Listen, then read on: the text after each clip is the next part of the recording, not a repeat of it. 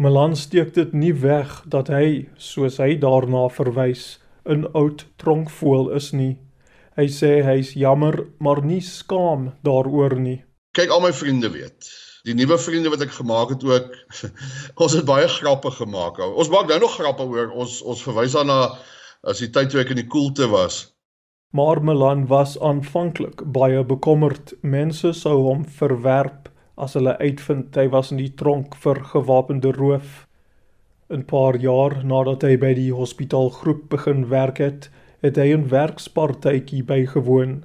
Daar het hy met een van sy kollegas begin praat. Dis baie nice mense en ons kuier lekker en en en, en ek sê vir hoor ek was in die tronk gewees. En sy sê: "O, ag dit, nee, ons weet dit lankal." en ek dog ek val van my stoel of ek sê hoorie sommer dit ek worry Milan is nou 30 jaar geskei.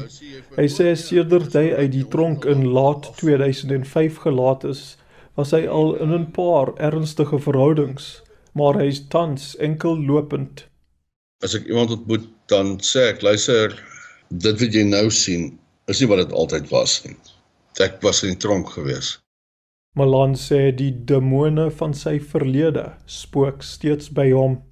Ek droom nog baie aande dat ek in die tronk is. Dis 15 jaar later. Maar dit word beter sê hy omdat hy nie meer nat gesweet wakker skrik in die nag nie. As ek so droom in die aand het dan die grootste skok vir my wat my wakker maak is hoe gaan ek my skuld betaal as ek daar is. hy sê hy wil nooit weer in gas van die staat wees soos hy na die tronk verwys nie.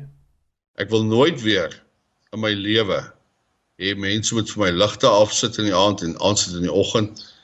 Ek wil nooit weer in my lewe hê iemand moet vir my 'n bord kos gooi ek wil nooit weer Volgens Milan het hy die pyn en vernedering van gevangenskap verdien, maar hy is nog nie gereed om homself te vergewe vir al die pyn wat hy vir sy ouers en kinders veroorsaak het nie.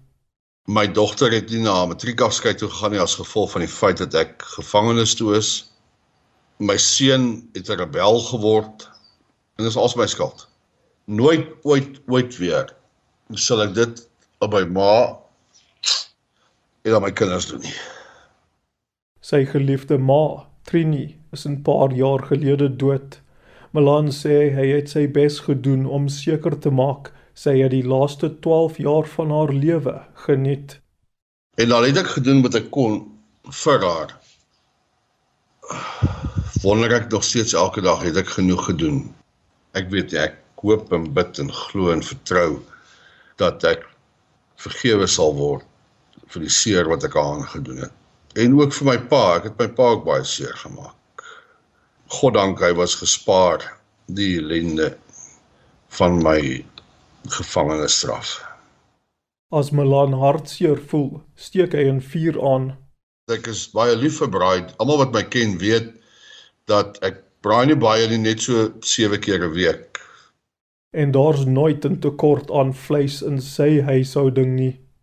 Ek is gedurig besig met nuwe eksperimente om wors te maak. Ek is baie lief om te eksperimenteer met wors.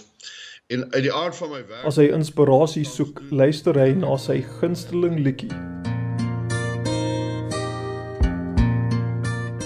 Neil Diamond, I am I said. Ek sien dit is my lewensverhaal.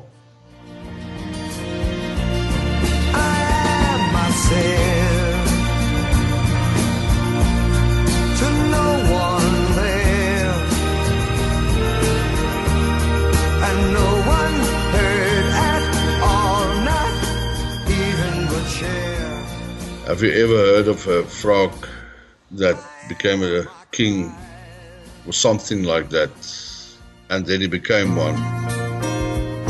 Did you ever read about a frog who dreamed of being a king and then became one? Well, except for the names and a few other changes, if you talk about me,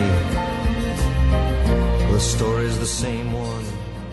Op die ou einde sê Milan, is hy dankbaar dat hy in die tronk was. Die uiteinde van die pad waarop ek was, sou maar die dood gewees het. Ek sou iewers in 'n gutter opgeëindig het. Die feit dat ek in die tronk opgeëindig het, was my redding. Dirk Johannes Malan beskryf homself as normaal, maar sy lewe was alles behalwe normaal. Van oud polisieman tot skuldinvorderaar, tot alkoholiese gewapende rower, tot gevangene, tot prokureur en regsverteenwoordiger van sy medegevangenes en doring in die vlees van die staat. Dis 'n merkwaardige Suid-Afrikaanse verhaal wat min mense ken. Die storie van die padda wat een van die land se snaakste konings nog geword het. Ek is Darren Taylor in Johannesburg.